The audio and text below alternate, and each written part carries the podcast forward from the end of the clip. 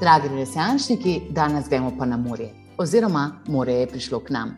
Končno so se vlovili za snemanje z mojo prijateljico Nino Pejč, ki je mednarodna strokovnjakinja za poslovanje s Kitajsko, zauzeta zagovornica enakopravnosti spolov in asistentka, doktorska študentka in raziskovalka na Fakulteti za družbene vede Univerze v Ljubljani.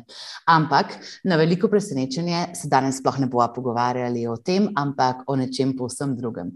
In sicer o njenem najnovejšem podjetniškem projektu The Gods of Mediterranean, posodi iz Braškega kamna, katero Nina piše čisto novo zgodbo. Pa začnimo. Nina, živijo, najprej te lepo pozdravljam na podkastu. Bilo je kar nekaj časa, da sem se uskladila, ampak kako si, mislim, da si v redu. Živijo, Maja, hvala za to lepo povabilo, oziroma to timely povabilo. Um, Samo v redu, super, evo, sončno. Le, jaz se nisem mogla upreti temu, tega, ker bila si na RTV, bila si na Graci, imela si toliko medijske izpostavljenosti, zdaj le, da sem imela pa že uren, fomo, pač alarm, no, ne moramo, to je to. ja, lahko, seveda, jaz sem vedno tukaj, uh, jaz sem vedno na voljo. Uh, sem pa vesela, da sem povabila, ker jaz zelo rada poslušam tvoje podcaste in moram reči, da se vedno kaj spišem, zabeležem, se kaj noga naučim in da mi je to absolutno pomagalo pri ustvarjanju te poti, na kateri sem zdaj. Ok, kako lepo, ful, hvala za tole. Na drugi strani, a, veš, si pa ti mene fulno odahnila na tem nivoju, ki ti počneš toliko enih zadev, pa pač skozi. Svetuješ podjetjem, kako poslovati s Kitajsko, pa pač v inštitutu si še vedno aktivna, ful imaš enih takih obveznosti in si ena iz definitivno tistih ljudi, za katere si jaz mislim, da so super ženske. In kako sploh najdeš čas za vse, kar smo povedali v uvodnikih, pa verjetno še za 50 stvari, ki jih trenutno nismo sploh še omenili. Um, mislim, da je predvsem stvar v tem, da sem precej radovedna, rada se vsega naučim in nisem mi problem vzeti časa za stvari, ki so mi zanimive ali pa za ljudi, ki so mi zanimivi. Um, ne posebej, mislim, v kariernem smislu, ampak tudi tako osebno. Ne, vedno sem veliko brala, vedno sem se rada učila, to je smešno, v bistvu zdaj, ko pogledam nazaj. Ampak, Maja, jaz sem se šolala, se pravi, jaz letos zaključujem doktorski, jaz sem se šolala 21-22 let. In v bistvu v, v tem času mi to ni bil tako vel, velik problem. No. Nisem ni bil tako velik, mogoče so bili kakšni trenutki krize, ampak jaz mislim, da se jaz enostavno rada učim in da mi da mi to v bistvu pomaga, no? da se rada lotim stvari od začetka. Mi jih je pa veliko težje, moram priznati, vzdrževati, kot kar začeti. Mogoče ima še kdo kakšen tak problem. Ja, absolutno. Tukaj se mi zdi, da ta entuzijazem na začetku je nekaj tazga, ki nas spodbudi k delovanju, ampak tista strast, tisto, kar pa pol vidimo, impact, pa ta dolgoživost, nas pa spravi do tega, da ustrajamo. In ti to pač definitivno, da podlagi tega, kar smo se do zdaj naučili v tebi, nimaš problemov z ustrajnostjo. Sam ja, vsega, kar se pa lotimo, pa mogoče tudi ni uredno obdržati, a kaj je zgodba? Ja. Ja, res je. Ja. To, um, ali pa pač um, enostavno zahteva, veš, nekateri stranski projekti potem zahtevajo to k tebe, da jim največjo krivico narediš s tem, da se jim ne posvetiš. Tako da um, jaz sem tudi uspela zreducirati kar velik teh zadev, ki sem se jih lotila. Mogoče to zveni mm, vem, v nasprotju s tem, kar si rekla v vodu, ampak meni se ne zdi. E, meni se zdi, da sem veliko bolj učinkovita, odkar sem sfokusirana na te stvari, za katere vem, da sem zadovoljna, ko jih delam. Ej, kakšen je bil pa, naprimer, kakšen takšen primer, kakšnega projekta, ki si ga pa mogla zreducirati? Ja, um, recimo, veliko sem, velik sem prej networkala, veliko sem hodila po eventih. To je vse pomembno, ampak um, enostavno moraš umeti mm, na te, ki so relevantne tebi. Ne, ne na vsako konferenco, ne na vsak event. Mogoče je to super za začetek, ampak če se ne fokusiraš, si lahko cel dan po dogodkih, po kavicah in kosilih in imaš širok krok, ampak zelo malo časa za implementacijo. In tega si v bistvu v tem življenjskem obdobju, ko smo še v fazi implementacije, vsaj jaz sem v fazi implementacije, ne morem privoščiti. Ne? Eno je seveda, ko imaš vem, vse to že postavljeno, projekti so že zreli, ne? živijo m, brez tebe, oziroma z malo tvoje pomoči, potem pa, pa si lahko ti privoščiš spet, da greš na to networkanje. Um, Ko bi rekla, vse, na vse strani. V tem obdobju, ker sem pa jaz, se pa moraš fokusirati no? in pač se nekako zadati neke cilje in se tega držati. Mene je to fulj pomembno, zaradi tega, ker isto jaz upozarjam, pa na področju online tečajev, pa vseh teh študijev, ki jih imamo, veš, uh mhm. -huh. da pač mora priti čas za implementacijo. Da karkoli delamo ekstra tega, je kot zajčja luknja, je ja. fajn, da si jo Zdaj širiš obzorje na neki točki, ampak na koncu dneva pa le štejejo rezultati, ne štejejo poslovne vizitke, ja. ki si jih izbral. Tako da, ful, hvala za tole lekcijo. Zdaj pa gremo na mičko bolj lahkotno temo. Saj meni se zdi lahkotna, ti boš povedala, pa, če je to bilo res lahkotno, je bilo komplicirano. Ampak, ej, tako, mi smo se spoznali v Ljubljani, ti si vedno bila pač v tej naši ljubljanski sceni in pa kar naenkrat smo dobili novico, Nina se je preselila na Brač. Kako to? da si se preselila na Brač? uh, v bistvu, za, ja, to je bila vedno moja skrita želja, ne prav Brač, ampak Dalmacija, generalno gledano. Zakaj? Ne vem, od majhnih nog so me starši vodili uh, sem na Muri in potem, ko sem enkrat prišla nekako do 16, do nekje 16 ali 17 leta, sem začela hoditi sama. Ampak veš, kaj to pomeni? Jaz sem dobesedno šla, se usedla v avto in se odpeljala in na en mesec ni bilo, in bila sem sama, spoznavala ljudi, obiskala prijatelje, karkoli pač bilo. Ampak jaz sem v bistvu zelo rada raziskovala to področje in pač ene deset let sem potovala po njem, vsako poletje, ker sem le imela denarja in časa, sem temu posvetila. Um, in um, to v bistvu mene ni presenetilo. Meni se mene je presenetilo samo, kako se je hitro to zgodilo in to je v bistvu mogoče. Pandemija. Jaz sem se preselila med COVID-19 in um, Zakaj? Ker sem ugotovila, da okay, na začetku se tako ali tako nisem mogla, ker sem bila zaposlena na univerzi v Ljubljani kot raziskovalka. Potem, ko sem pa začela samostojno pot, sem se pa lahko preselila, ker sem v bistvu ugotovila, da vse moj posel lahko poteka online, da lahko vse delamo, seveda z občasnimi obiski v Sloveniji, ampak da, da ne, če delam s Kitajsko, v originalu delam s Kitajsko, um, uh, obvisli, ne, seveda si potem online ne, če se lahko, ne ja. moreš drugače delati. Tako da v bistvu mi je to nekako dal ta zagon. Um, hkrati pa te sem se tukaj zaljubila, ne, se to ne vem, če veš, sem ti že povedala. Mal si, ne pa čisto, tako da če si odprta, bi mi z veseljem slišala eno dobro ljubezensko zgodbo. Ja, seveda, evo, tukaj sem spoznala svojega dalmatinca in uh, evo, poročim se poleti. Tega ti mogoče nisem zaupala. Ne, ampak upam, da sem ja. povabljena. Ej, moja fulba mehna poroka, samo kot družina najvzdi prijatelji, veš, ker meni je to vedno bil stres. No, ja, ne vem, kako se, vem, kako si se ti poročila. Mislim, jaz sem se poročila z desetimi prijatelji ja. pred desetimi leti, to je to. Tako da jaz te razumem, kaj te bo tam imela žurko povej. Ja, točno to je, ja, veš, zna biti naporno, to je sam, veš, kol, če želiš, a veš organizirati dogodek, potem pač imaš skozi občutek, da moraš vse zadovoljiti. Jaz bi pa res rada, da je to tak naj dan, da imamo res najbližje, ki naj ne obsojajo, glede mi čestar, ki ni, niso pikolovski do vsake zadeve. In poročila se v bistvu enem osamljenem zalivčku, kot da bo taka mama mija poroka. Dobro, zdaj imamo vsi, po mojem, že FOMO, zakaj mi nismo povabljeni na to poroko, ampak ne, definitivno spoštujemo vajno odločitev, vajne želje. Tudi jaz sem se odločila na točno isti način in to ja. totalno pozdravljam. Um, ampak tako, ta brač, ta tvoja zgodba, lej, pač vem, da si bila tudi na v Silicon Valley, v Silicijevi mm. dolini na izobraževanjih, pač tako mednarodno delaš.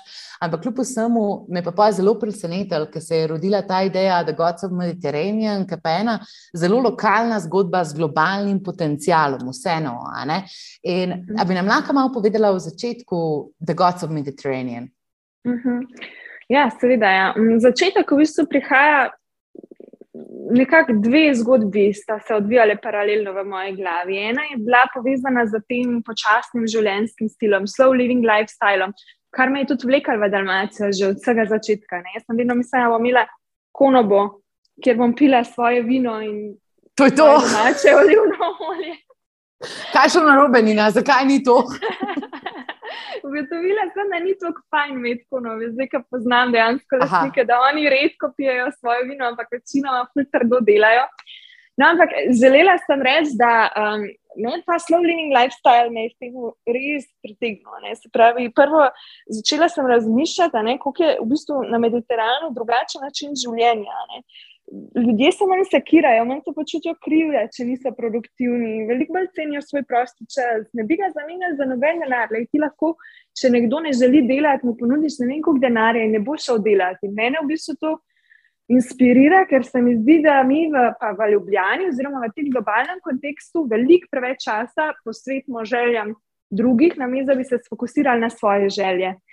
In to je en ta stream, ki me je vodil, k temu, kako je pa zdaj lahko to atmosfero Mediterana prenesla v domove po svetu, oziroma v svoj dom, ne v Ljubljani, ki sem ga imela. Um, drugi je bil pa ta, da sem se mal, kako bi rekla, spustila v to lokalno skupnost in sem videla, da tukaj v bistvu mladi odhajajo, um, a veš, podporne infrastrukture za njihove posle ni um, ne, vem, ne morejo razvijati svojih idej, kot jih lahko v Ljubljani. Za njih so velika mesta, obljubljena mesta, mesta priložnosti. Um, ne, na otoku ne, vem, ne moreš biti računovodstva, ne moreš biti pravne podpore, nič od tega, za vse moraš fizično nekam. In v bistvu ta svet, digitalni, globalni, se do Brača oziroma do otokov še ni, ni spustil, ni, ni še prišel do njih. Um, in tukaj sem spoznala, um, po nekaj časa, ker sem tukaj živela, sem spoznala Jurico, on je kipar oziroma klesar. Klesar je mogoče bolj prava, prava izbira besed. Um, podedoval je delavnice svojega očeta, svojega strica in dela svoje izdelke iz kamna. Zdaj, Jurica, recimo, se je isto želel preseliti v Zagreb, tri mesece je bil tam, dež, megla, veš, promet, vse to ga je ubijal, preselil se je nazaj in rekel: pač, Ostopam na braču, čeprav bom pač zaslužil toliko manj in v bistvu ne bom mogel uresničiti svoje vizije. Ker, zakaj ne more uresničiti svoje vizije? Zato, ker ljudje tukaj pač prodajajo na štantih. Konkurenca je v bistvu velika, kot ti prodajaš na enem trgu, kjer, kjer je pet štantov. Ker eden spusti ceno, pa moraš še ti spustiti ceno. Ja, pa mogoče pač, 500 strank na dan. Ja. Ja, veš pa samo poleti, pa še manj 500. 500 turistov ne pride v pučišča to mesece, ker jaz živim nikoli, pač ne, ja. ne more se zgoditi to mesto ima 200-300 prebivalcev. In um, ja, enostavno pač pride do tega, da moraš posež po teh globalnih resursih. No, tukaj pa oni ne vedo, kako. In tukaj se pa v bistvu mi dva skupaj stopila v to zgodbo. Jaz sem si želela imeti, um, narediti nekaj, kar bi v bistvu približal ta mediteranski svet celemu svetu, preostanku sveta. Um, hkrati pa narediti ne, nekaj, da bi pomagala tem mladim ljudem, da ostanejo tukaj. Um, kako se bo zdaj klesar začel, mislim, teže se njemu začeti ukvarjati z marketingom, s kopijom, z Shopifyom, z vsemi temi zadevami. In um, tukaj sem preskočila na pomoč in zdaj skupaj ustvarjamo zgodbo The Gods of the Mediterranean. Prvi produkti so ta, uh, v bistvu, kamnita kolekcija. Um, imamo pjatine, krožničke, um, mežnarje, vazice prihajajo, skratka, home collection. Naprej bi pa želela vključiti tudi druge umetnike, druge craftsmene, craftswomen iz drugih otokov, iz drugih držav, da v bistvu razširimo ta impact. Dobar. Se pravi, ti si v bistvu že prišla z eno tako veliko, veliko, veliko vizijo. Pač kako bi rada razvijala to svojo blagovno znamko, naredili ste tudi te prve dosežke, prve preboje, o tem se bomo kasneje še veliko pogovarjali. Sam tako, mislim, to so bile sanje. Kaj je bila pa realnost? A bi nam lahko zaupala tri največje izzive pri razvoju blagovne znamke The Gods of Mediterranean? Ja, seveda, mislim, moj največji osebni izziv je bil to, da sem jaz prej delovala v akademiji, potem sem mhm. delovala v svetu storitev, kjer gre za čist drugačno prodajo. Ste veš, kako je ti si tudi v svetu storitev, eh, prodajni cikl traja od pol leta do leta pa pol. Ja, tudi tri leta včasih, ni panike. Tri leta, kot pač želiš, lahko traja. Ne? In, uh, in v bistvu prideti na, na, na to, da se v bistvu vsega tega sam naučiš, kako na kakšen način pa zdaj prodajati produkte in ne storitve. Storitev gre skozi network, gre skozi priporočila, gre word of mouth, ne rabiš optimizacije SEO-ta, do te mere, kot rabiš pri pač produktu. To je bila sigurno ena težava, to, da sem se vsega mogla naučiti sama, plus to, da nisem toliko za, ne vem kako bi ti rekla, instant stvari, na katere se je treba takoj odzvati. Naprimer, družbene mreže, tega sem se mogla priučiti, pa se tudi malo prisiliti. Zdaj mi je postalo veliko bolj všeč. Ampak... Tak, a družbene mreže, misliš, socialno mrežje? Ja, Ok, super, social media. Ne, ni panike, ni panike, samo to, da se razumemo. Se pravi, Nina zdaj govori o social media. Ja, točno to. Ej, imam problema, jaz zdaj sem vsak dan tukaj in sem okrožena s Hrvati pa tudi razmišljam včasih, kako je kakšna res po Hrvatsko, Hrvaško, znam, kakšna ven vrst. Ne, le, se ni panike, je ful super, da znaš več jezikov, ampak sem to, ki jaz, a veš, mislim, moram ta skupni ja. imenovalec, da se vsi razumemo. Ne, ne. Mm, drugač pa ja, prepoznavnost v času te neke inflacije starija. Ne? Zdaj, produktov je velik, na kakšen način se bo tvoj razlikoval. Um, pa je legitimnost, ne? mi smo zdaj full no brand in zakaj bi nam ljudje zaupali, ko pridejo na našo spletno stran? Ne? Kaj lahko naredimo, da to um, oviro nezaupanja prebredemo? No? In tukaj so te mediji, o katerih si govorila, res veliko pomagali. Hey, the best. Pa bomo še o tem govorili, kako se sploh dobi takšne vrste PR, kot ste ga vi ustvarjali. Mislim, ta zgodba. Tukaj tudi vem, da sem imela naprimer, fotografinjo iz Anglije in da se je več ljudi odzvalo v bistvu na to vašo blagovno znamko. Ampak, če za takšno logično nadaljevanje, bi pa mogoče se vrnili na prejšnjo stočnico, o kateri si govorila in sicer Znamka ima tudi zelo močen družbeno odgovorni kontekst, zelo močno družbeno odgovorno komponento. In zdaj zaupala se nam izzive preseljevanja mladih iz otokov, pomankanja mhm. priložnosti, potem te hiperkonkurence, ki je na štantih. Ampak, a imaš še kakšno bolj definirano misel na področju, kakšen svet si vi želite ustvariti? Kaj je ta vaša družbeno odgovorna komponenta, vizija na tem področju? Mhm, ja, seveda. Ja. Ja. Del tega, toč, kar nisem v bistvu omenila, je mogoče ena tako zelo pomembna komponenta, je tradicija. Ne. Tukaj gre za obrt, ki izumira in to bi bil v bistvu tudi nadaljevanje tega brenda, da bi se osredotočalo na te kvalitetne, trajne obrti, se pravi, kamen je trajnostni material, uh, za večno je z nami in taki bodo tudi vsi ostali produkti tudi če ne bodo iz kamna. Torej, nekaj, kar za večno lahko ostane, kar v bistvu ustvarja ta minimalističen okvir okoli nas. Priješ domov in se dobro počutiš v svojem toplem domu, ki ni našarjen za vsemi, a veš, stvarmi, na katerimi nas spodbujajo vsak dan.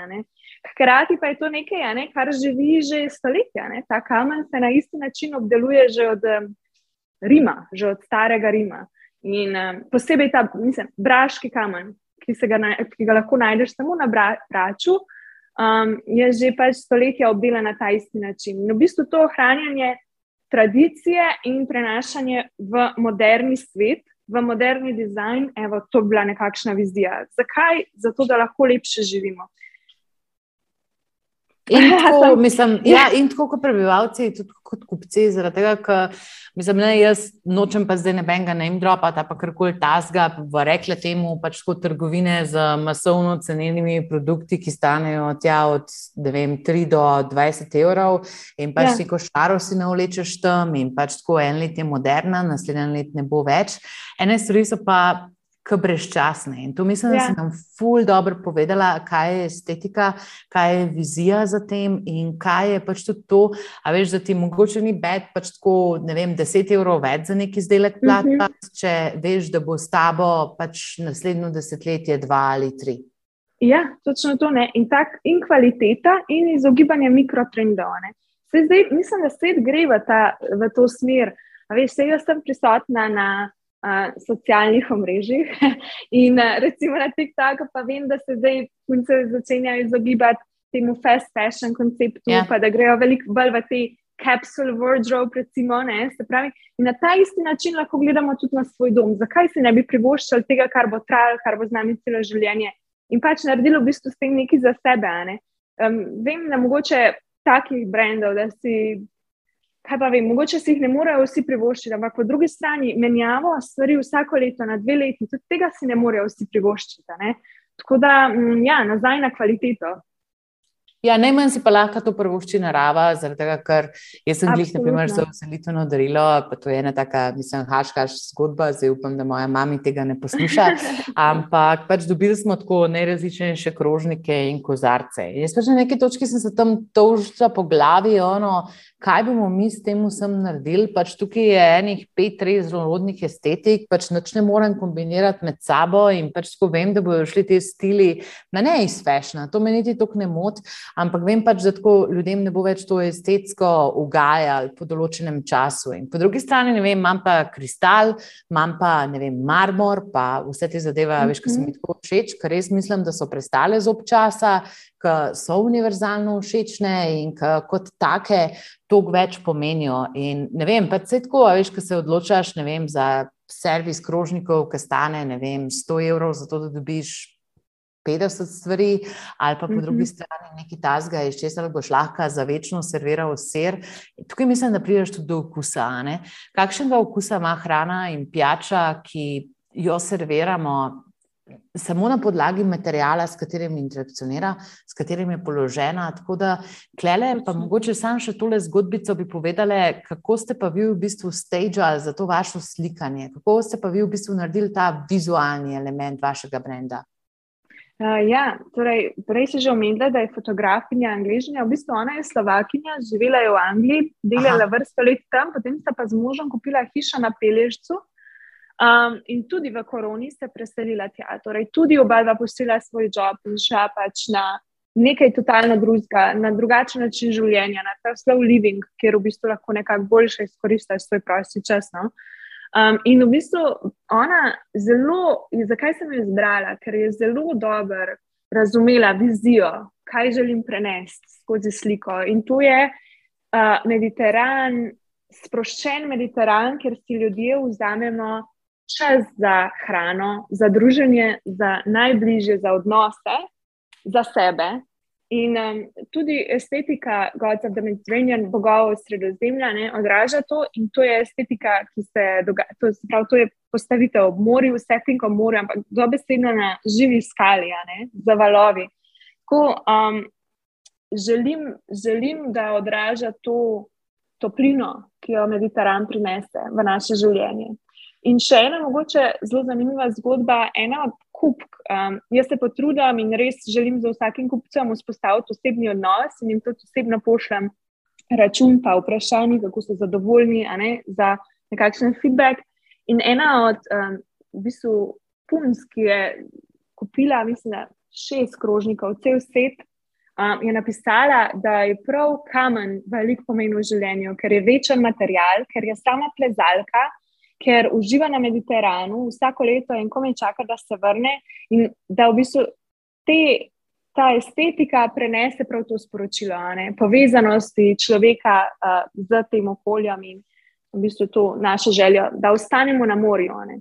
In uh, Maja, mogoče se sliši smešno, ampak res je razlika. V mojem življenju je velika razlika, odkar živim na morju v primerjavi s tem, kako sem živela v Ljubljani. Enostavno sem srečnejša, ker živim bolj za sebe in ničkaj sem odmaknjena od vse te gužve in prometa.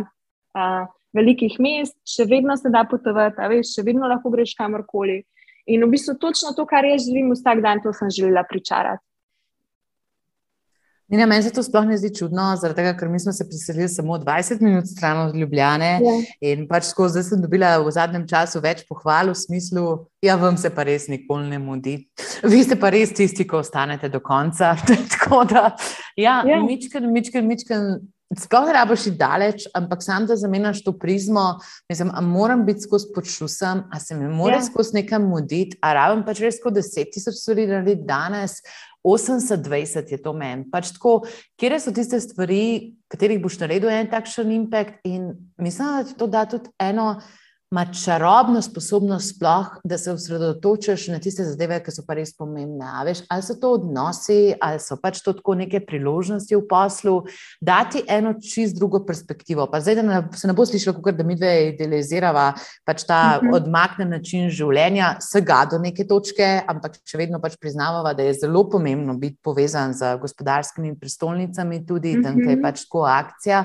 Ampak ja, ne spogledno ti pa daje eno drugo dimenzijo ki je zdrava Zlo, za človeka. Ja, res super si to povedala in tudi dati to prioritetno listo. Um, se pravi, ta čas, ki ga posvetiš delu, res posvetiš delu in ne vsem drugim stvarem, ki pridejo, a veš, zraven vse te distrakcije.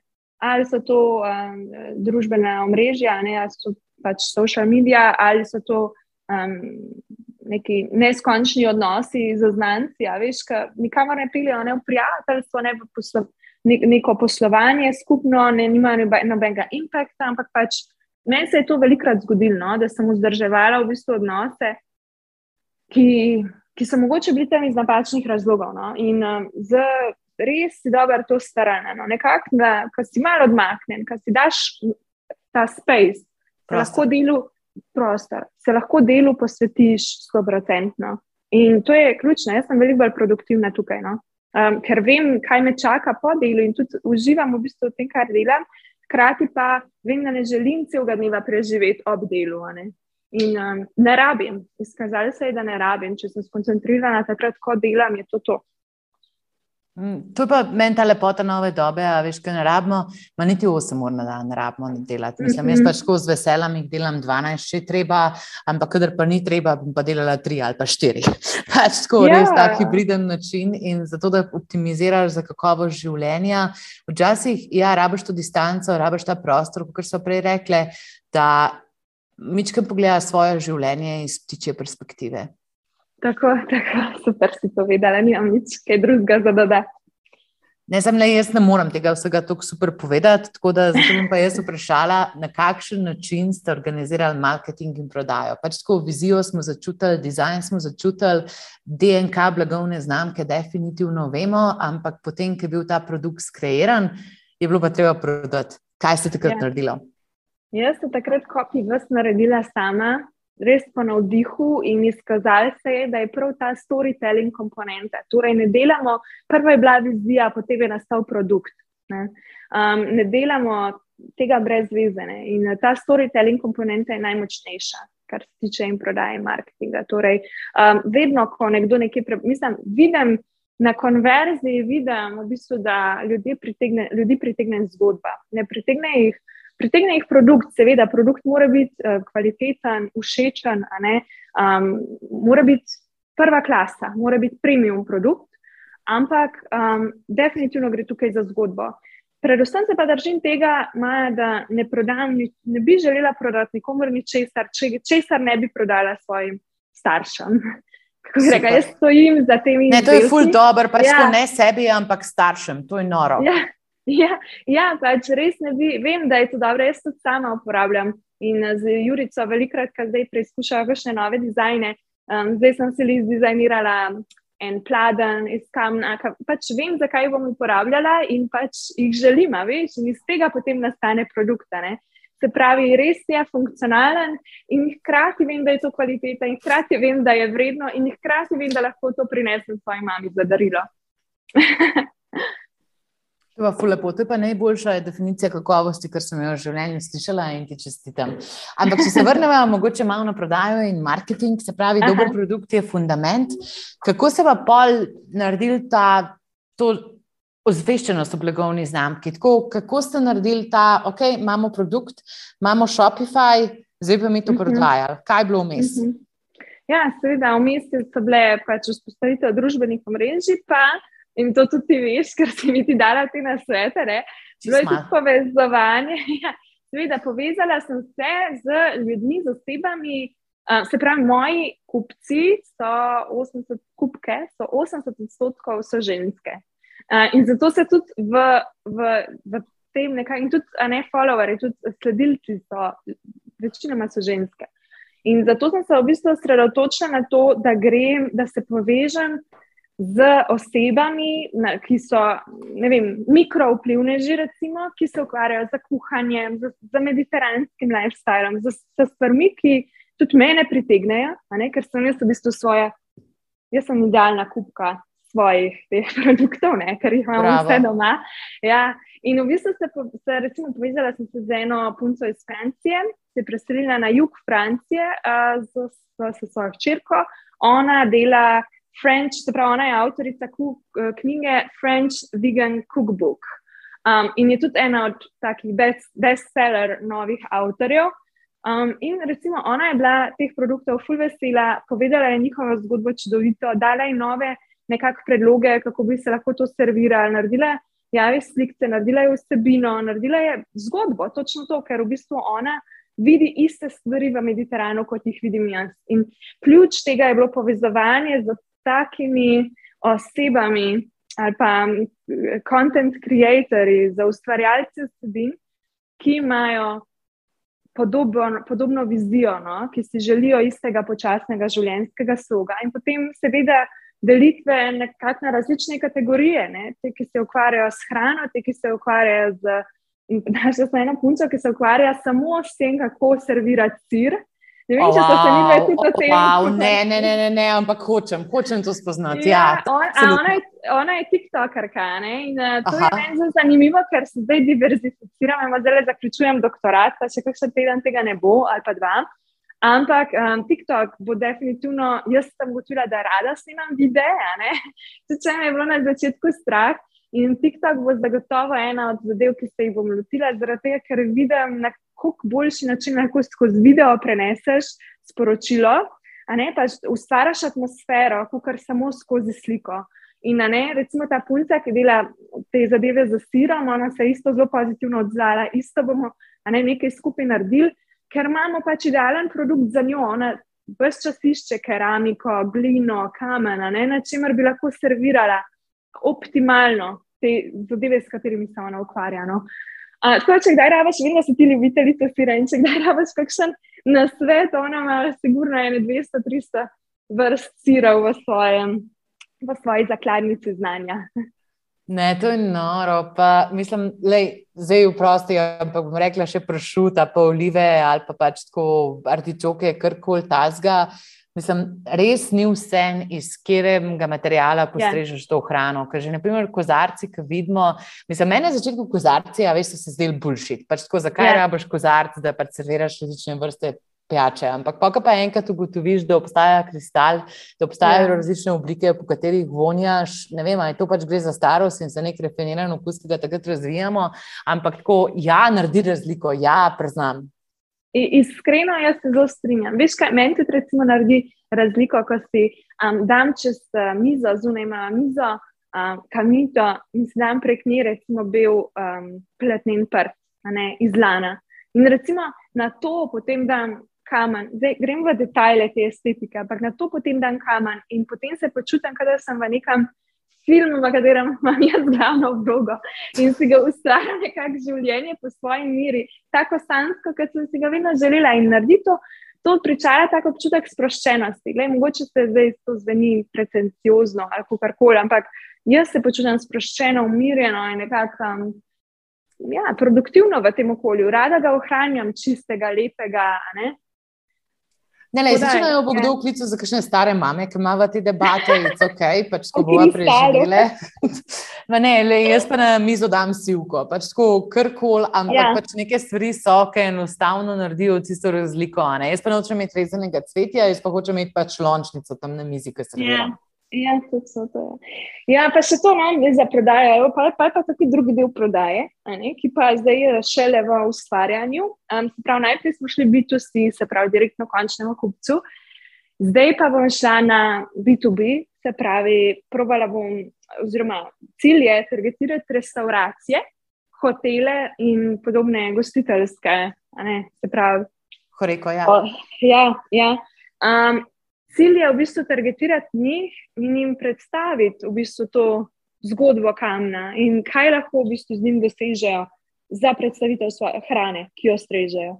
Um, želela bi se, da je to res neko ne vem, platno za vrhunsko hrano, um, ki bi se na njej stregla. Um, tako da v bistvu je to, tukaj pa smo pripravljeni, ne, so zvirice pripravljene, recimo, kar se tiče kamna, res stopiti tudi korak naprej. Um, pogledati, kaj bi se dal narediti, kaj kakšni restauraciji ustreza, pogledati njihovo vizijo in potem zasnovati izdelek, ki bi bil idealen. Oh, to je v bistvu kar imaš kot mišljenje bolj v mislih, ali tudi kakšno, mislim, raven nižje, kako si glede tega targetiranja? Ja, seveda ne. Pa, mišljenke, ne. To bi bila seveda idealna opcija, ampak um, nimamo jih dovolj. ja, valjda. So šele prišli. Ja, ampak veš kaj, um, glej, Slovenija in Hrvaška imata tako dobre, kvalitetne restauracije, ki mogoče še niso, ja, šele prišli so, točno to. Niso še prepoznane na tem nivoju, ali pa se še niso znali pozicionirati, kot vsi ostali. In uh, jaz sem prepričana, da bo tukaj uspevalo. Sploh pa veš, recimo des, dalmatinske restauracije. Nekatere so res zelo uspešne in zelo priznane. In um, v bistvu me zanima, iz katerih produktov, to zdaj zadnji čas delava s, uh, s partnerjem, pač hodva po restauracijah, testirava. Um, in uh, ja, da vidimo, na, na čem pa strežejo, ne? kaj pa je zdaj njihov trenutni material, ker v bistvu jaz do zdaj tega še nisem uh, opazila. Ko greš po restauracijah, nisem jih opazila, a veš, kdo kako servira, na kakšnem materialu, kaj jim je pri srcu, ali imajo bolj klin ali imajo bolj. Ne, nisem res veliko pozornosti temu posvečala, zdaj, odkar v bistvu je ta vizija um, prisotna, pa v bistvu se veliko bolj fokusiram na to. No? In je to zelo zanimivo in upam, da bom lahko bolj raziskala področje. Ne gre pa nič naprej brez dobre raziskave trga.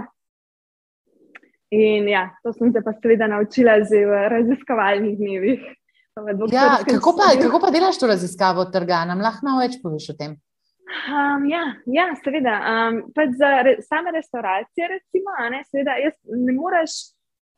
Moraš, mislim, da, mogla, mislim, da je zelo dobro, da ustreza pač njihovi, da je Godcev, da Mediterranean ustreza njihovi estetiki. Torej, dvomim, da bodo, da bodo, da bodo kamniti krožniki kadarkoli prišli v restauracijo, ki je na vrhu planin. Se pravi, mora imeti ta sproščen slog, večen, trajnostno naravnan, uh, z tudi tra, se pravi, trajnostnimi, ekološkimi sestavinami, a veš, neki odnos z kmeti, recimo z dobavljalci.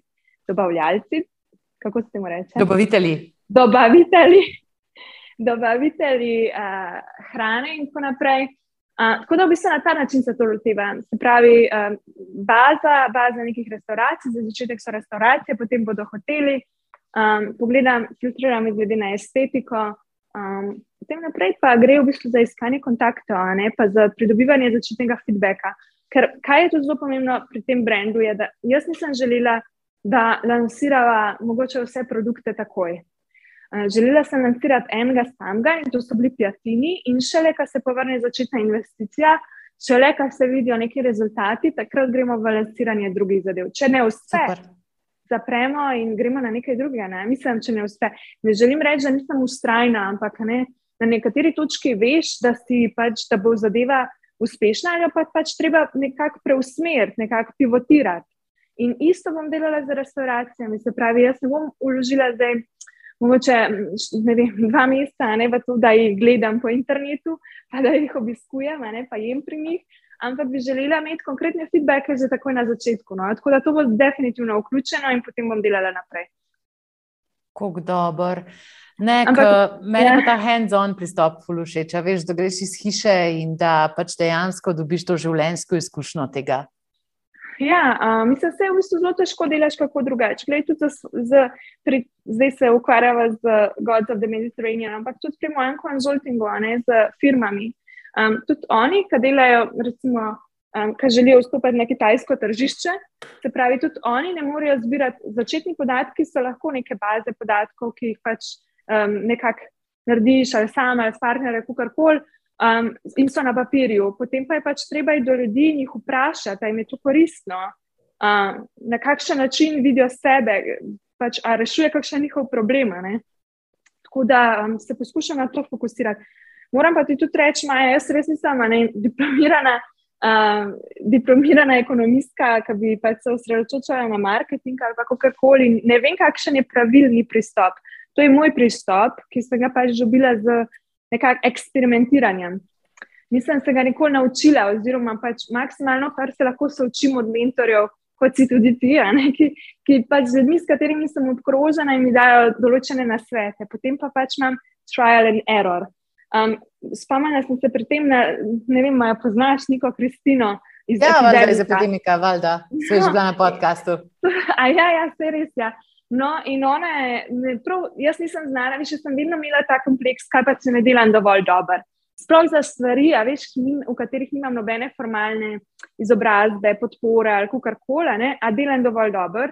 In me je zelo navdahnilo to, kar je ona rekla na enem podkastu, da um, ona se sproti uči, kaj dela in da nikoli ni delala v večji firmi, ja. kjer bi lahko povedala, ne, kako pa zdaj to gre. In pri meni je isto. Ne. Jaz nikoli nisem imela za res šefa, ki bi me lahko nekam usmeril, v nobeni v bistvu svoje stvari, do zdaj v življenju. In um, ne poznam ustaljenih procesov, in v bistvu se moram, moram čim več spraševati, se učiti, iti na teren, dobiti feedback direktno od kupca. Zato tudi pišem osebno maile, vsakemu. Ja. Ne, pa to je meni tako noro, takšno, veš, po neki strani mi je ta humble oziroma takšen zelo nearoganten način pristopa do trga, ki jaz tudi ni nalej. Jaz pa imam magisterij iz vsega tega, kar smo rekli, in deset let delovnih izkušenj, ampak ne vem, ali včeraj so me pa pač povabili, da grem delati na en quantum computing, to je pač to visoko zmogljivo računalništvo.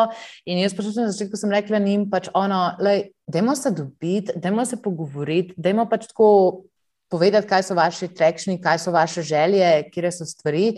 In pa če sem še vedno pripravljena, absolutno pripravljena ta posel zavrniti, ampak če bom pa začutila, da jim lahko pomagam in pa valjda bom. Zaradi tega, ker tackling the unknown, jaz temu rečem, pač čisto gremo v neznano, pač tako naučimo se stvari.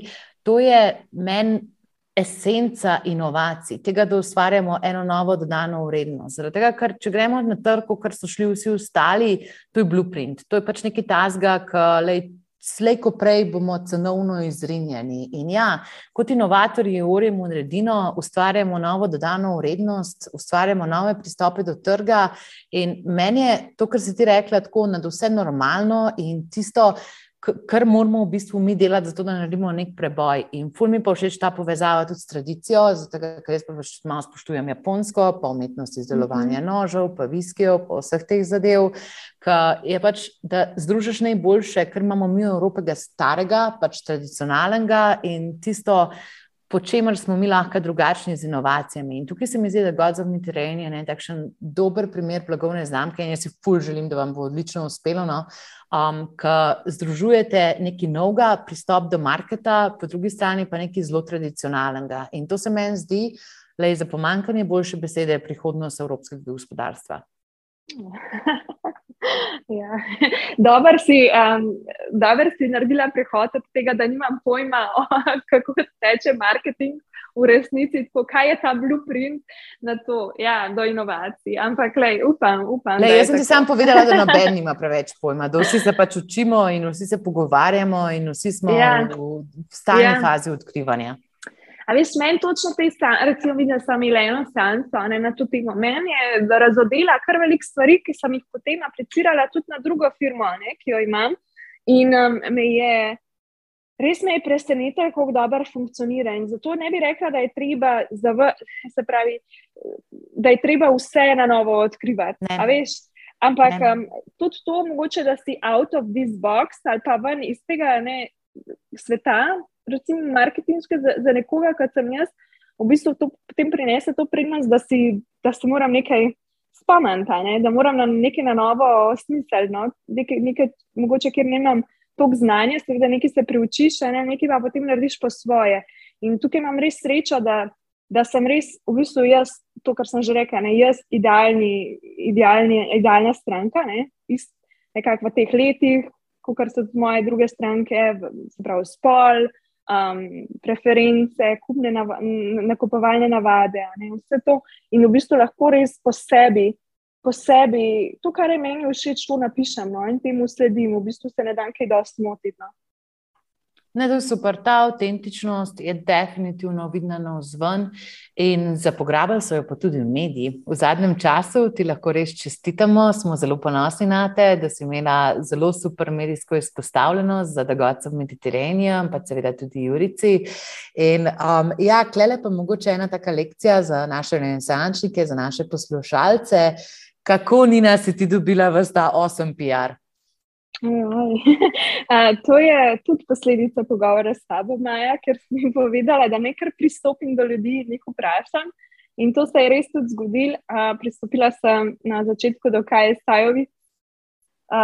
Ona je bila vedno nekakšen moj vzor, kar se tiče kulinarike, gastronomije. No, Ina, jaz sem se prvič tresla, ker sem se pogovarjala z njo. Ona ni vzor, ona je kar avtoriteta na nek način. Avtoriteta je točno to. Res je. In tudi knjigo sem prebrala, a ne o Ani Rož, malo navdihana. Ne morem verjeti, no, da imamo v bistvu take ljudi, kot sta ona in Ana v Sloveniji, in da jih pač res bi morali, morali biti vsi ponosni no, na njih. Glavnem, jaz sem jih kar komentirala na en Instagram post, najče ta iskrena. In potem sem jim napisala sporočilo, da pač zanimalo me je, na kakšen način lahko v bistvu jaz pristopam na najboljši način. Kakšen je najboljši način, da pristopam do restauracij z to našo kamnito kolekcijo? Um, in v bistvu je njo zgodba tako pritegnila, da se je odločila, da bo napisala članek na to temo. Poslala mi je nekaj vprašanj, jaz sem ji to odgovorila in mi je v bistvu ona potem res um, se pozanimala tudi sama in napisala en krasen članek, ki je imel zelo veliko, ki je dobil zelo veliko pozornosti no, v medijih. In to je potem, iz tega se je pa potem razvila tudi zgodba za Gracijo. Gracija Hrvaška, no zdaj smo uh, njihova top priča, top zgodba v tem double spredu, poletnem, fizičnem in tudi pač uh, v digitalnem, digitalnem izvodu smo bili. In, um, ja, tudi njih je pritegnilo v bistvu to, da je kamen na braču poznan že toliko časa, ne toliko stoletij in tudi. Generalno v Dalmaciji, na Hrvaškem, je to zelo tako priznana zadeva, ampak ne dosega, eh, manjši produkti ne dosegajo cene, ne, ki bi jih morali dosegati na trgu, zaradi tega, ker v bistvu zelo malo um, cenijo svoje delo, klesari. In to je v bistvu tudi eden, ena od zadev, ker so se z Jurico odločila, da stvar spremeniva, ne, da pač ne morejo te izdelovalce, ne, recimo nek klesar, kot je Jurica, ne more pač delati za drobiš. Za tako visoko kvalitetnim materialom, za tehniko, ki je tradicionalna, ki je, obstaja že 600, 700, 800 let, pač ne more delati tako, da kome živi iz dneva v dan. In v bistvu smo se, oni so tudi to prepoznali, to kvaliteto, da želimo brati kamen z dizajnom in za to zgodbo, za predstavitvijo te zgodbe, pa peljati na nek drug nivo. In um, tudi zato so nas kontaktirali. Uh, tukaj je bil intervju. Um, bomo pa videli, ne, kako bo v prihodnosti. Ja, za mene je to res pol dobro, ker si rekla, veš, da kaj. Tako, mislim, identificirati novinarje, ki pokrijajo stvar. Če imaš dva koleščka v glavi, je možno, pač tako lahko se naredi. Ampak ta iskren pristop, to, da pač tako, lej, pa ne baram tega delati, ampak citirala bom Pitbulla, pač ask for money, get advice, ask for advice, get money twice. Pač kako pristno pristopiš do ljudi, pač ne tisto, da jim rečeš, hej, ja bi naredil članek z mano, ampak da pač tako iskreno ceniš njihovo mnenje in daš yeah. Ja. kredite za svoje zasluge, ki so jih imeli. Čist drug pristop, kot pozdravljeni, tukaj je moj press release, ali bi tole objavili. Ja, ja. Ej, ampak res to pa nikoli nisem, se pravi, tega pa nikoli nisem marala. No? Tudi v teh organizacijah, recimo, ki sem prisotna, slovensko-kitajske poslovnice. Ej, nikoli, mislim, jaz sama osebno se ne bi na ta način pristopila k nikomor. Mislim, da so te maili največkrat spregledani. Pa tudi moj iskreni namen je bil, da kaj, jaz nisem nikoli v, niti razmišljala, da bo ona napisala članek o tej stvari, o Gods of the Mediterranean. Jaz sem res želela sama da mi pove, ali restauracije sploh iščejo kaj tajnega. Ona pa je res veliko po restauracijah, ne? to je njena služba in koga boljšega vprašati. Kako dober. Ne, klej sem zdaj res dala eno tako zelo pomembno lekcijo vsem našim poslušalcem, da pač tudi te odnosi, ki jih imamo z mediji, da lej, niso enostranski, niso za eno objavo, niso za eno stvar, ampak da pač najboljše je, da izkajaš iz tega, kar ti bereš, kar ti poslušaš, kar se pač ti lahko osebno zbližaš s tem in iz tega se lahko rodi nekaj dobrega, drugače pač to, ne vem, enkraten oportunizem, če smo želeli v tvojem svojem low living spiritu. Ja, res je. Ja. Ful dobr. Ok, in zdaj imam tukaj eno tako vprašanje, ki je malo bolj tako meta, malo bolj filozofsko. In sicer, kaj si se ti na tvoji poti, The Gods of Mediterranean, naučila novega in za kar misliš, da bi moral vedeti vsak, ki gre po podobni poti? No, ena stvar je sigurno, da se lahko vsega naučimo. Pač vsega, veš, od pakiranja, dizajniranja, pač vse se da, pač res verjamemo ta neuroplasticity, ja, kako bi, kako, kakšen je slovenski izraz za to, pač, da mi, da se naši možgani razvijajo, učijo in prilagajajo, in da v bistvu ni stvari, ki je ne moreš doseči. Druga pa je, da evo, to je pa povezano z mojo selitvijo. Nujnost je ustvariti, po mojem mnenju, priložnost, da uživaš ali pa da imaš stvari ven iz svoje kariere, izven kariere, v katerih uživaš, ne? izven tega, da bo to v bistvu samo zaslužek, nekaj, da ga samo zaslužek, no? da bo samo posel. In najpomembnejša stvar se mi pa zdi, da je ta čas, da moraš imeti čas in nek hobi oziroma nek projekt, neko aktivnost, ki je izven pričakovanj drugih ljudi, na katero samo ti vplivaš in tako, kot si ti želiš. Veš, in iz tega potem ustvarjaš. Ne? Ker je to ena izmed najbolj, kako bi rekel, najboljših zadev, ker v bistvu hkrati uživaš in hkrati si popolnoma svoboden in neodvisen od njega. Ne? Jaz nikoli nisem mislila, da bom kadarkoli um, prodajala fizične stvari. Se pravi, jaz sem vedno. Um, Vedno sem nekako videla sebe, v, mislim, videla sebe, vedno sem bila v storitvah. In res je prišla najprej vizija in najprej ta želja, da ustvarjam nekaj, zraven kot stranski projekt in nisem na to gledala kot na potencijalno monet, reka, zadevo, ki jo lahko monetiziramo. Mi dva sta začela delati vem, svoje olivno olje, ne, pa vse te zadeve, preden sem jaz pršala tega, da bo to brand. In zato, ker sem si dala ta prostor za ustvarjanje, ne, ki ni bil vezan na nikogar drugega, se pravi, ni bilo vezano na to, kaj nekdo pričakuje, kakšen brand mora biti, kakšne morajo biti cene. No, in tukaj mogoče še tretja lekcija. Ne? Vedno bodo vsi rekli, da je predrago. Vedno. Ha, to mi pa všeč, to mi pa všeč. O tem pa prosim malo več povej. Ja, ja ne vem, vedno bodo, pač, vedno bodo tukaj ljudje. To me je drugače tudi ena prijateljica naučila. Imela sem z njo že eno leto, pa pol nazaj pogovor. Ona se ukvarja z ročnim izdelovanjem oblek, knitting, se pravi kvačkanje. Ja? Um, in, um, in je rekla, da cene pač postaviš in. Um, In vedno bodo ljudje, ki, ki mi je pač to predrago, in vedno ti bodo pač to rekli. Oziroma, ni da oni ne bi imeli, pač njime samo v principu predrago. In um, to, te, pač, ne vem, tega enostavno ne smeš upoštevati. Kako sem jaz postavila cene, je, da sem res naredila samo šla če pač pregled trga in sem pogledala, kako se te iste, se pravi, ista kvalitetne zadeve ali pa v istem tem nevoju kvalitete na, ka, na kakšen način se pač rangirajo na trgu cenovno. Ne? Pogledala sem tudi poročila o tem luxury products, McKinseyjeva, na kakšen način se to rangira cenovno, v katero smer gre. Sploh se nisem ozirala na to, kaj nekdo reče, kakšna bi mogla biti cena. In pač tako funkcionira, ne? zdaj pa boš.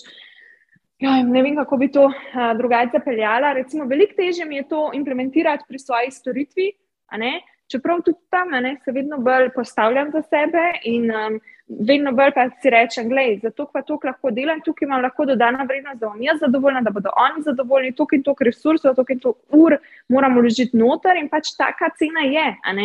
In he, vedno bo to delo, ali pa celo večini bo to predrago.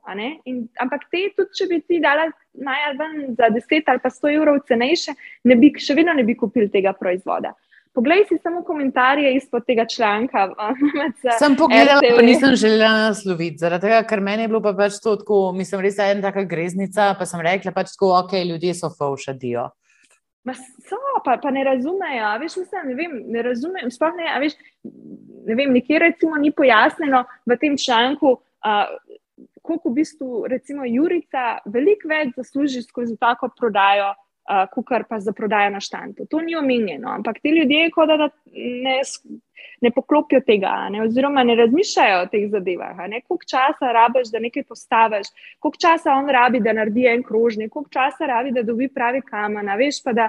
Da je vse to brez napake, da je vse perfektno. Pa cene bodo vedno previsoke za te ljudi in to so isti ljudje. Te komentatorji pa pač te, ki rečejo, da je cena vedno previsoka. Ne, le, in tukaj le, le ti čestitam za pogum, zaradi tega, ker te masovni mediji so res ena taka, mislim, stvar, ko ubijajo marsikatero dobro zgodbo.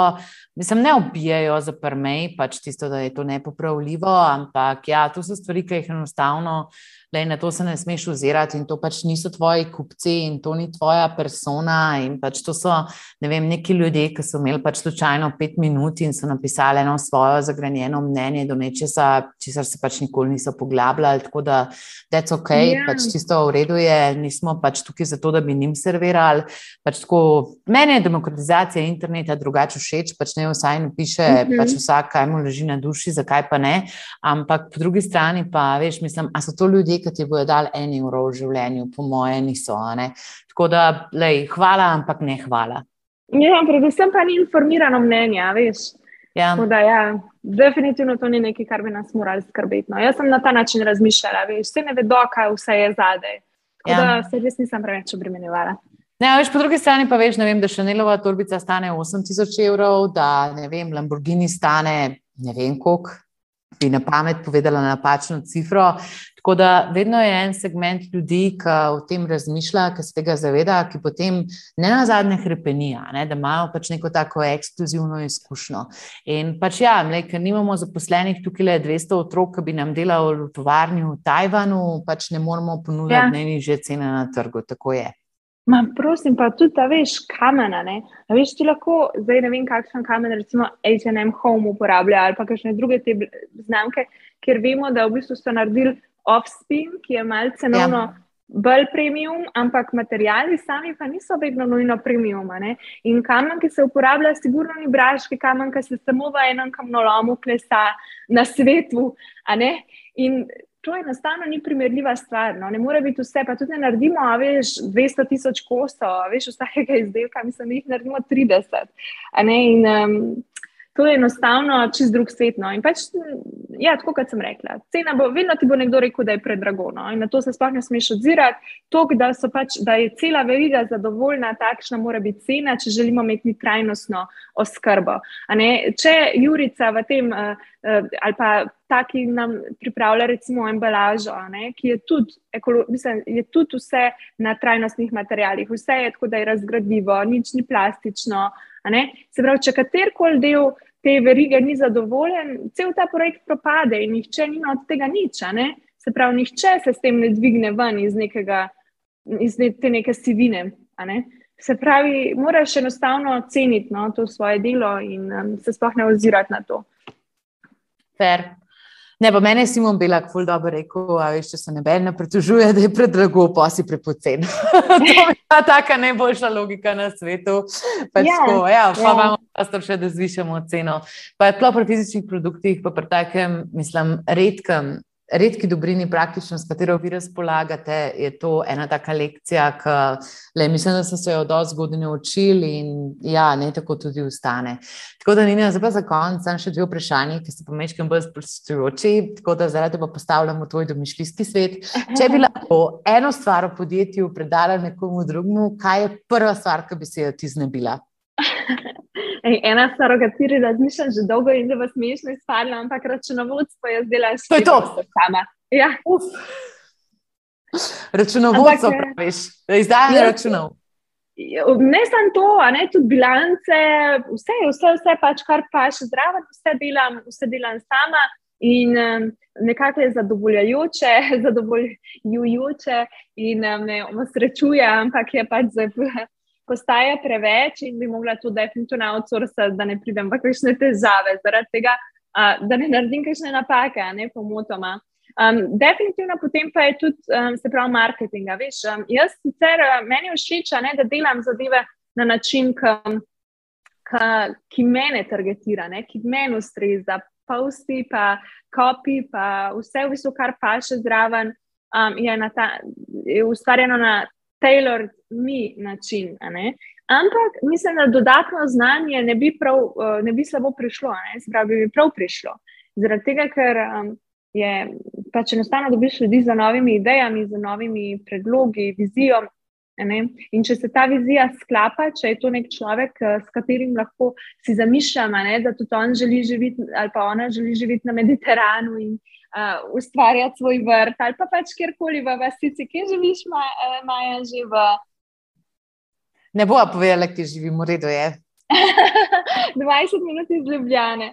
V glavnem, nekdo, a veš, ki ima ta, to vizijo no, tega mirnega sveta, evo, in da ja. se pokripa v tem, bi marketing tudi outsourcala. Zaradi tega, ker, kar sem že rekla, je dovolj. Uh, rabiš biti zelo odziven. In uh -huh. to mhm. res ni moja kvaliteta, tukaj se moram izboljšati. Jaz sem srednje odziven človek in tudi ne maram, recimo, telefonskih klicev, uh, obvestil na telefonu in teh zadev. Uh, tako da bi tudi to, recimo, lahko odsorsala. Absolutno. Bo tudi čas za to, pa absolutno tako z tako močno vizijo, pa s tako mladimi potencijali, pa s tem s to vrednoto, s to vizijo, ki ste jo do zdaj povedali, da želite pač tako ljudem, mladim ljudem, ki bi radi imeli priložnosti zagotoviti neki. Le, jaz tudi, klele, veš, kaj delam v lokalnem okolju, jaz po mojem vsak dan mhm. najdem enega novega lokalnega talenta. Pa naj si bo 16-letni kuhar, 15-letni igralec trobente. Pač tako, mislim, mene ti ljudje res inspirirajo, pač tako nori so mi. In jaz pač res naredila bi vse, da oni uspejo, pač tako krko rabijo, da best je. In klele se mi zdi, da imaš tako močno high impact zgodbo, da se kar ta pravi ljudje nekako prelimajo na te stvari. Res je, do zdaj še nisem imela nekakšne nestrice, vedno sem bila obkrožena z pozitivnimi ljudmi, ki so me podpirali in um, to je tudi treba nadaljevati vsem in v ekipi in izven ekipe. Najbolj pomembni v tem trenutku so mi pa mentori, ljudje, ki so okoli mene, a veš, pa mi dajo nekakšne usmeritve ali pa se lahko z njimi pogovorim, če je kakšen zaplet. In um, to je pa vedno neprecenljivo. Vem, da si tudi mentorca. Mislim, tudi jaz sem mentorica, ampak tebe nekako zdi se mi, da si na veliko višjem nivoju, ker tudi ustvarjaš mentorski program. In uh, to se mi zdi v bistvu neprecenljivo. No? Vem, koliko meni mentorstva pomenijo in uh, sem zelo hvaležna, da nekdo drug ustvarja okolje, ker je to Um, ker je to normalno. Ne, ja, ker je to normalno, da imaš mentorja, da ne, delaš, da ne rabiš vsake ideje dobiti sam, ker je normalno, da se brainstorma, da se pogovarja, da se ima dialog, da se razmisli o viziji. Da, ne vem, nekak, oseba, ki te navdihuje in ki ima mogoče več znanja na kakšnem področju in te potem lahko usmeri. Ne, pa, če bi po moje Jurica vprašala, bi rekel, da je to kar naravno da je to naraven način, kako si ljudje prenašamo znanje in izkušnje, da je to nekaj mhm. tasga, veš, ki res pač tako skrbimo, da naša dediščina, tisto, kar smo se mi naučili, da naprej ostane in prosperira in dobi eno novo formo, ki je še toliko večja od nas. Tako da to pa je idealna istočnica, da te pa vprašam zadnje vprašanje in sicer za slovo. Nam pa Nina, prosim, povej, kaj pa je vaša vizija za naprej? Kako se bo pa da God Submitteranian razvijal, kolikor prestanete iz trga, si nam prej zaupala? Tako je. Ja. Ja, um, absolutno je naslednji korak to, kar sem že rekla. Da imamo odkriti še kakšno, še kakšno zelo zanimivo stvar, ki je zagotovo prisotna na Mediteranu. Nekako se, sem bolj. Se bolj osredotočam na otoke, ker vem, da ima tam tak projekt večji impact, ker na vseh otokih je zelo podoben problem depopulacije. Ampak, uh, kar se pa tiče širše vizije, tega, o čemer sanjam, uh, je pa imeti en en ali pa večnih showroom, uh, ki bi rotiral med kontinenti. Zdaj vem, da to vse, verjetno res slišiš samo kot neka, neke stanje. Uh, ampak predstavljaj si showroom z izdelki iz Hrvaške, iz Slovenije, ampak samo temi tradicionalnimi, temi, v kateri gre veliko truda, energije, te, ki, ki jih moramo ohraniti. Predstavljaj si interaktivni tak showroom, ki te imrsa v to izkušnjo Mediterana, uh, kjer se počutiš sproščenega, ker slišiš valove, kjer veš, kaj se da vse z današnjo tehnologijo narediti. Uh, in ki se vsake 14 dni, mesec dni preseli na novo, pa pa prej neznano lokacijo v drugem svetovnem mestu in prinese pač del te izkušnje. Uh, ja, v drugo mesto, globalno, se pravi, iz Mediterana ven. Tako da to je bila pa moja vizija. Mogoče je mička odbita, ne vem, kako sem do nje prišla, zgodila sem se z njo. Uh, ne, po mojem, Italija, oziroma ta koncept Italije, da je še pač tako koncept v to smer.